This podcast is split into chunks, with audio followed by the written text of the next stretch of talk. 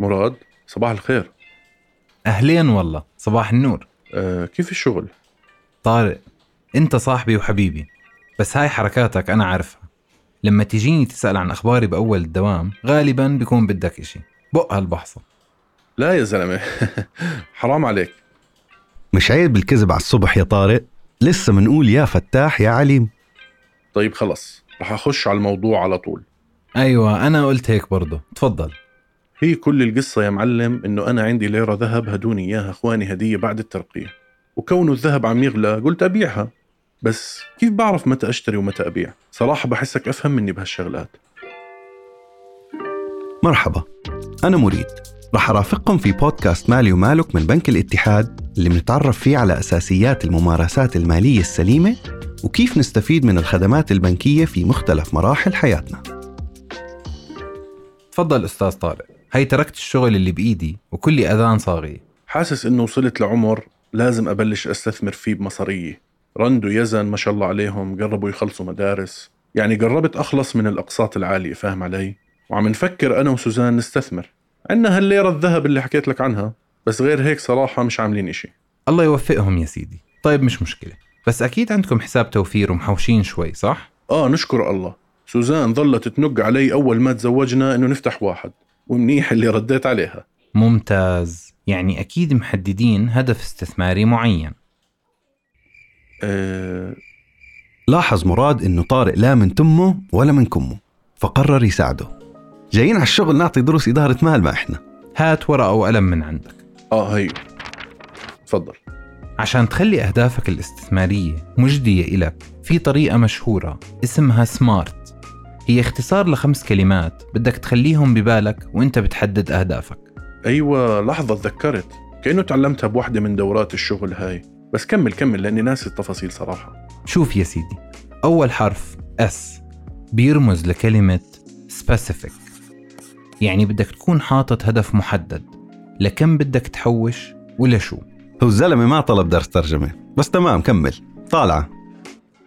تاني حرف M من measurable يعني قابل للقياس. عشان مهم تعرف كم قربت من هدفك وتضل متشجع تتابع كمان. ثالث إشي وأنا بعتبره الأهم يكون هدفك إيه؟ من achievable. بدك إشي قابل للتحقيق عشان ما تحبط. يعني لو راتبك 1300 وهدفك تصير مليونير آخر السنة تخينة شوي. ليش مسكرها بوجهي يا زلمة؟ مش مسكرها بس فكر فيها بمنطقية. عشان تتجنب إنك تحط أهداف صعبة وما تقدر تقرب منها. وهذا بياخدني للحرف اللي بعده. R من realistic. عشان مهم أهدافك تكون متماشية مع طبيعة حياتك. وآخر وحدة هي إنها تكون تي بمعنى time bound. يعني إنها تكون مربوطة بزمن معين عشان تحس بأهمية اللي عم تعمله. فتحط مثلا هدف إنك من هون لشهر رح تكون مجمع 100 دينار. فاهم علي؟ فهمت عليك. سمارت طيب اسمع بدي أسألك كمان شغلة. شو أنواع الاستثمارات اللي بقدر أعملها؟ لأنه أنا كبيري ليرة ذهب نقطوني إياها إخواني. هو الذهب استثمار ممتاز ما تستقل فيه. بس زيه زي غيره من الاستثمارات بدك تتعامل معه بذكاء. أيوة أمطرنا بحكمتك المالية أستاذ مراد. ماشي خلينا نفتح لك ورقة جديدة كمان. شوف يا سيدي. شرح له مراد إنه في أنواع مختلفة من الاستثمارات وبلش بأصعب جزء الأسهم. هاي ممكن أشهر أنواع الاستثمارات. ببساطة إنك لما تشتري سهم في شركة معينة كأنك بتصير تملك جزء منها. وطبعا لازم تكون مطلع على أسعار الأسهم وأداء الشركة. عشان أداء الشركة بيأثر على سعر السهم. لما يرتفع بتقدر تبيعه وتربح من استثمارك. وحتى أنه بعض الشركات بتوزع أرباح على الأسهم. يعني كل سنة بتطلع لك نسبة من أرباح الشركة بناء على عدد أسهمك فيها. يعني بتقدر تعتبرها راتب سنوي. يا سلام. والله حلو هالحكي. وتاني خيار هو ال ETFs مؤشرات الأسهم. دقيقة دقيقة. مؤشرات شو؟ تقدر تعتبرها سلة من الأسهم. بمعنى أنك بتستثمر في صناديق استثمارية مفتوحة. وهيك بتكون استثمرت بمجموعة أسهم مختلفة. وتنويع الاستثمارات بيقلل من نسبة الخطر. بما أنك ما عم بتحط مصاريك في شركة أو سهم واحد. وهاي الاستثمارات بتقدر تشتريها وتبيعها في أي وقت. الفكرة إنك تتبع على تغير أسعارها عشان تعرف متى تشتري ومتى تبيع. لا أتبع على مين يا زلمة؟ أنا حياتي يا دوب متبع عليها. والله يا طارق المثل بيقول لك اللي بده الدح ما بيقول أح. بس عموما مش لازم تصير سمسار بورصة وتعرف كل يوم شو عم يصير خصوصا لو هدفك الاستثماري طويل الأمد. المهم بس إنك تكون مطلع على الأسعار. آه صحيح. بما إنك أصلا فتحت الموضوع بالذهب خليني أحكي لك عنه كمان. هلأ الحلو في الذهب هو إنه عندك خيارات مختلفة عشان تستثمر فيه. واحدة منها هي اللي أنت عاملها أصلا إنك تشتري ذهب فعلي يعني ليرة أو سبيكة وتبيعهم بعدين لما يرتفع السعر. بس هاي الطريقة ممكن ما تكون أحسن إشي خصوصا لو اشتريت ذهب كتير وفي صعوبة إنك تلاقي مكان آمن تخزنه فيه. ماشي معك. بس أنا سمعت إنه لو شريت ذهب من خلال بنك الاتحاد بتقدر تخزنه في صندوق الأمانات وبتشتريه بسعر أحسن من السوق كمان. والله؟ مع شهادة وكل إشي؟ متخيل؟ طيب والله هنا استفدنا منك بشغلة. أكمل لك.